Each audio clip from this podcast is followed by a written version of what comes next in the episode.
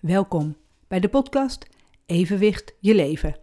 De podcast over ons evenwicht in de breedste zin van het woord. En dit is seizoen 4, aflevering 4, grenzen stellen. In het boek Mière in Balans gaat het over het veranderproces. De ondertitel van Mière in Balans is dan ook Kom in actie.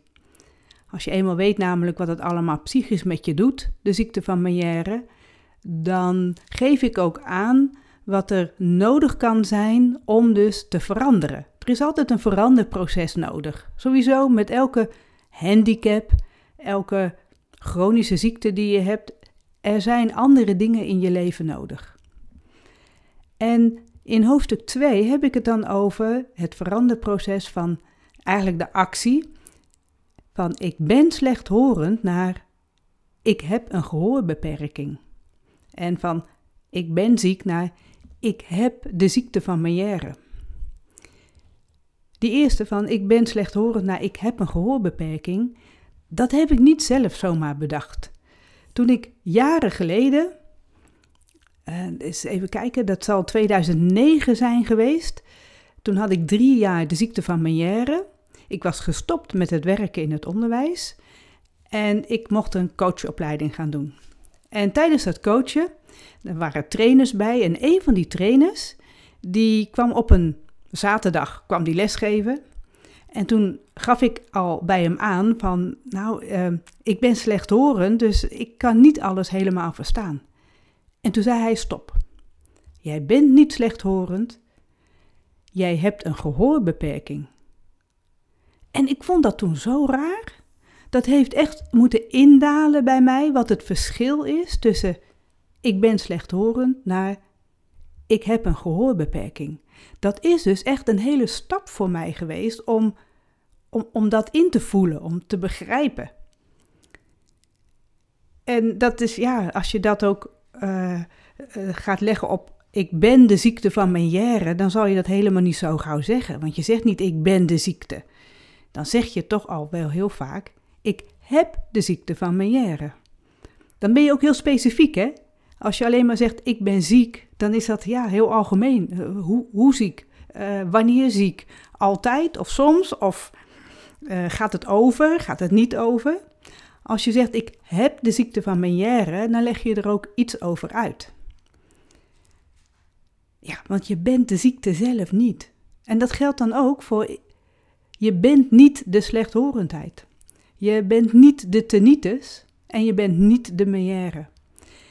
En als je dus die beperking en die ziekte dus los kunt koppelen van wie jij echt bent, wie jij van nature bent, die, ja, dan zijn er wel een paar acties nodig waar je aan kunt werken om dat dus makkelijker te maken. En een van die acties is grenzen stellen. Grenzen stellen. Want onherroepelijk krijg je er een keer mee te maken. Dan, uh, dan zegt iemand tegen je, dan ben je even helemaal niet zo lekker of zo. Geef je grenzen goed aan, want dan heb je er geen last meer van. En dat is eigenlijk net zoiets als wat de KNO-arts dan zegt. Hè? Bij het stellen van de diagnose, die dan zegt van, uh, nou ja, ja, je hebt de ziekte van Meière, ja, leer er maar mee leven. Geldt ook voor tinnitus, hè? Als je dan tinnitus hebt, ja, leer er maar mee leven. Of uh, zoals de buurman wel eens heeft gezegd: van accepteer het nou gewoon. Nou, er is helemaal niks gewoon aan, want dat accepteren lukt helemaal niet. Je weet niet eens welke kant je op moet gaan. Hoe, hoe doe je dat? Uh, als je al niet eens weet hoe je met die ziekte om moet gaan, hoe kun je dat dan accepteren? Het is dus heel makkelijk gezegd door mensen die die problematieken niet hebben, die beperkingen niet hebben. En ja, hoe, hoe doe je dat dan zelf? Want als jij grenzen wil stellen, als het gaat over die grenzen stellen, dan moet je wel weten om welke grens het gaat en ook op welk gebied je dan moeite hebt om je grenzen te bewaken. Want ik weet zeker dat er genoeg gebieden zijn waar jij wel je grenzen kunt bewaken. Want op het ene moment dan doe je dat dan ook heel goed en het volgende moment dan uh, is dat veel moeilijker. En op het ene gebied zeg je heel duidelijk van ja, tot hier, niet verder. En op het andere moment dan zie je helemaal niet wat de grens is. eh, dat er überhaupt een grens voor jou is. Je gaat dan door en door en door. En pas achteraf, dan weet je, oh, dit was weer veel te veel. En als je de ziekte van Meniere hebt, dan loop je ook continu eigenlijk tegen grenzen aan. Alleen als je dan weet dat dat dus op verschillende gebieden kan zijn, dan wordt het al makkelijker. Want overal waar je het wel makkelijk doet, kun je het meenemen ook op het hele andere gebied.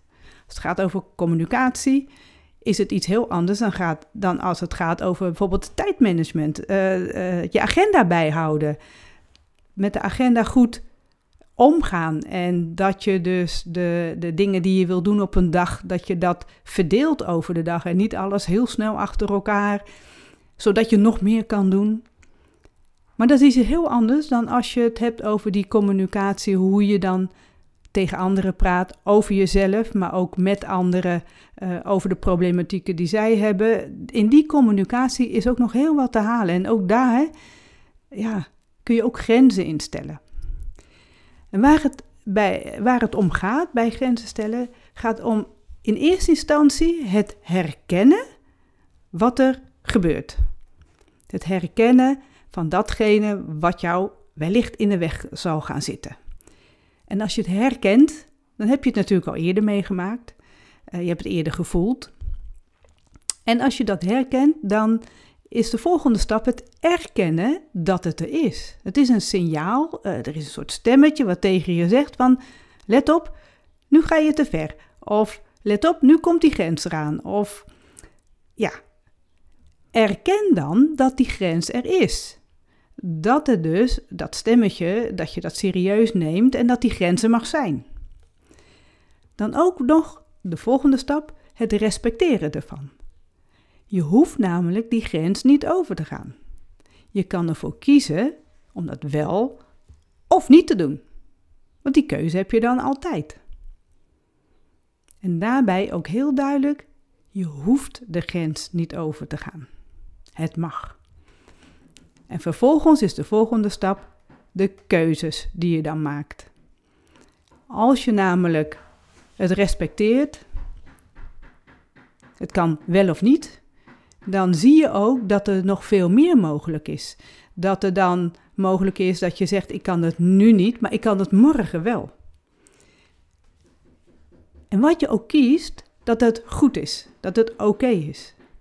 En dat je ook weet dat er, wat de gevolgen kunnen zijn van de keuze die je maakt. En dat je ook zelf die consequenties draagt. Dus bij het grenzen stellen, eerst het herkennen van datgene wat er gebeurt. En dat je weet van hé, hey, hier komt iets aan, hier moet ik iets mee. Dan het erkennen dat je het herkend hebt en dat, ja, dat het een signaal is. Dan het respecteren ervan. Je hoeft de grens niet over te gaan. En daarna keuzes maken. Je ziet wat er mogelijk is. En dat er ook nog andere mogelijkheden zijn dan het wel of niet doen kan ook iets tussenin zitten. Dat betekent als je op een gegeven moment zegt van een bepaalde grens, um, bijvoorbeeld, ik geef zelf even het voorbeeld van tijdens het hele ziekteproces van uh, ben ik weer opnieuw gaan autorijden, maar ik merkte dat het autorijden super moeilijk was. Dat het mij niet goed lukte om goed auto te rijden. Ik voelde mij niet veilig genoeg in de auto. Ik had geen vertrouwen in mijn eigen lijf. En dan komt ook dat die evenwichtsorganen die sturen die oogspieren aan voor de beeldstabilisatie. Dat werkt bij mij niet helemaal goed.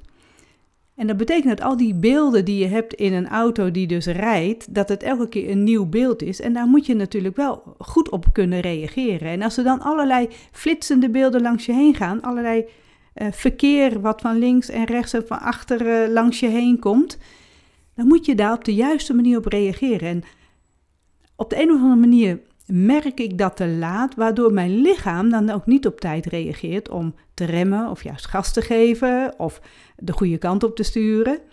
Dus dat vertrouwen is er niet meer.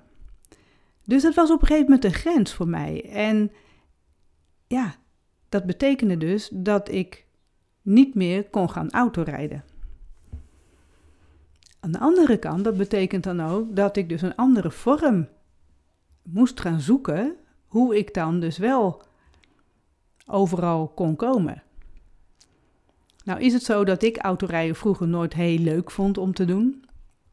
Ik heb het ook pas heel laat geleerd, dus dat zal ook nog mede uh, te maken hebben dat het voor mij dan ook veel moeilijker is.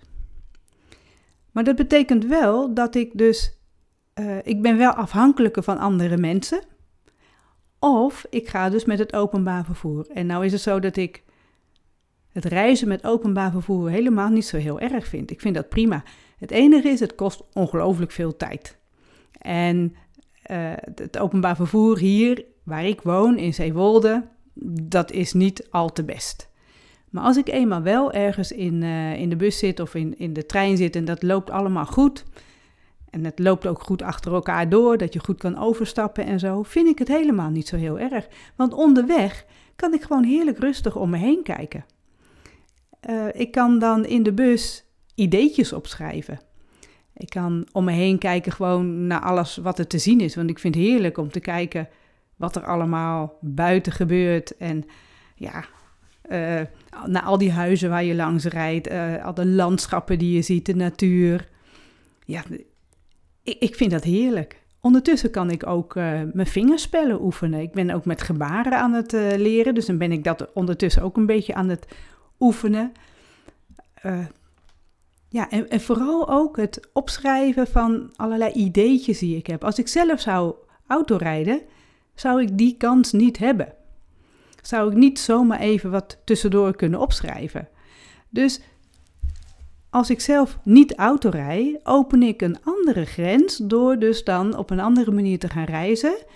En mezelf ook de gelegenheid te geven op dat moment gewoon te genieten van het reizen zelf. En van de mogelijkheid om dingetjes even te noteren en, en uh, ja, over na te denken en zo. Want dat is het vaak. Als er iets is wat niet meer kan, dan opent dat toch ook wel weer andere grenzen. Er zijn dus dan weer mogelijkheden die je eerst niet had. Als jij 40 uur in loondienst werkt en ja, dat ben je ook gewoon, dat, dat heb je al jaren gedaan, dat vind je heerlijk, maar dat kan door de beperkingen niet helemaal meer. Dus je gaat minder werken. Dat kan dan, hè, dat je dan deeltijd gaat werken, minder uren gaat werken. Dan heb je op die andere dagen, heb je dus tijd om andere dingen te doen. Die dagen dat jij niet aan het werk bent, in loondienst, dan kun je ook voor jezelf, uh, je kunt met iemand afspreken overdag om even koffie te gaan drinken. Of uh, je kunt een andere hobby op gaan pakken. Je kunt bij iemand op visite gaan. Of oppassen op de kleinkinderen. Dat hoor ik ook vaak. Dat uh, oudere mensen die dan ineens toch anders gaan werken. En helemaal mensen natuurlijk die, die gepensioneerd raken, gepensioneerd zijn. Die gaan dan vaker oppassen bij de kleinkinderen. En dat vinden ze toch ook wel heel erg leuk om te doen. Want daar kiezen ze dan zelf voor, hè? Dus je krijgt ruimte om andere dingen te doen. En dat is altijd belangrijk. Als je dus bedenkt dat bepaalde dingen niet meer kunnen, dan kan daar dus iets anders voor in de plaats komen. En dat is dan de kunst om te ontdekken, wat past nou het beste bij jou? Wat is nou het fijnste om te gaan doen op die momenten, die dagen, nou ja, waar je dus dan uh, niet het werk hoeft te doen? Ik heb, ik heb ook een voorbeeld nog van als ik zo'n zo'n ongelofelijke draaidag had, heb, had, afgelopen tijd wat vaker gehad. Wat ik ben gaan doen is de, de gewone puzzels, we hebben heel veel legpuzzels hier in huis, ben ik een legpuzzel gaan pakken en ik ben die gaan maken. Gewoon puzzelen op de grote tafel, rustig op de stoel. Dan heb ik geen last van de draaierigheid.